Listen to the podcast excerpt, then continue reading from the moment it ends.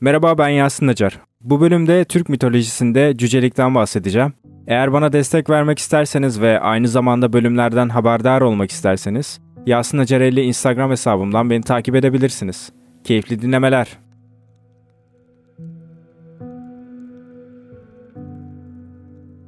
Doğuştan yahut sonradan meydana gelen bazı hastalıklar neticesinde kişinin boyunun normalden çok daha kısa olması, büyümesinin durmasına cücelik denir.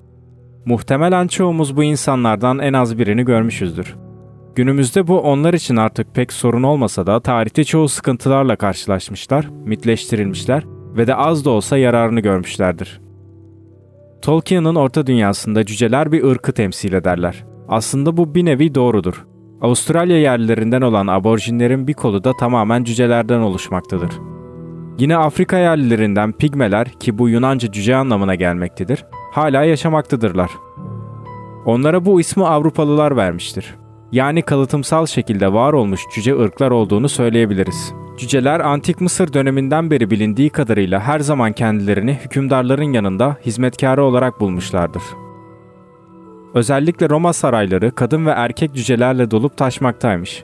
Bir nevi köle gibi alınıp satılan cüceler daha sonra Burjuva sınıfı tarafından da satın alınmış ve evlerde hizmetçilik yapmışlardır.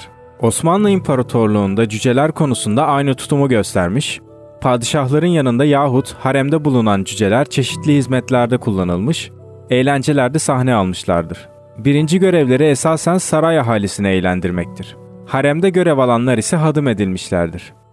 Osmanlı'ya ait çizimlerde gördüğümüz cüce tasvirlerinde cücelerin başlarında kaderi külahı bulunmaktadır. Orta Çağ Avrupa'sında ise cüceler uğursuzluk sembolü olarak görülmüşler ve çoğunlukla aileleri tarafından dışlanmışlardır.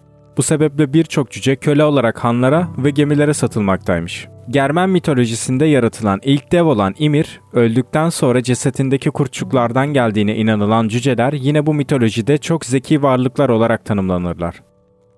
Cücelerin madencilikle özleştirilmesi de İskandinav mitolojisi kaynaklıdır. Yine bu mitolojiye göre cüceler asla sakallarını kesmezler. Yunan mitolojisinde ise pigmeler diye bahsedilen cüceler, Okyanos nehrinin kıyısında yaşayan siyah tenli bir ırktır. Cücelerin en çok yüceltildiği mitoloji ise Japon mitolojisidir.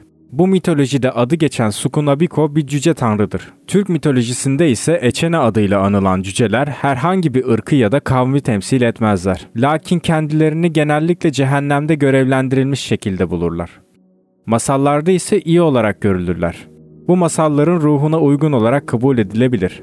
Kurtuluş Savaşı'na katılan hatta Atatürk'ün sofrasına dahi oturan cüce insan Ali Şamil Güler ise şüphesiz unutulmaz bir isimdir cüceler ve Türk milleti adına. Doğu cephesine teftişe giden Enver Paşa'ya hediye olarak verilen Ali Şamil, daha sonra Vahdettin'in kızı Ulviye Sultan'a soytarılık etsin diye saraya verilir. Burada soytarı kelimesi bir hakaret değildir. Daha sonra milli mücadele başlar ve Ali Şamil bir paşa ile birlikte kılık değiştirerek Sakarya'ya Atatürk'ün yanına gelir. Bu cesur cüceyi tanımak isteyen Mustafa Kemal onu yemeğe davet eder. Kendisine bir masa başı görev verilse de o bir asker kıyafeti diktirir ve cepheye gider.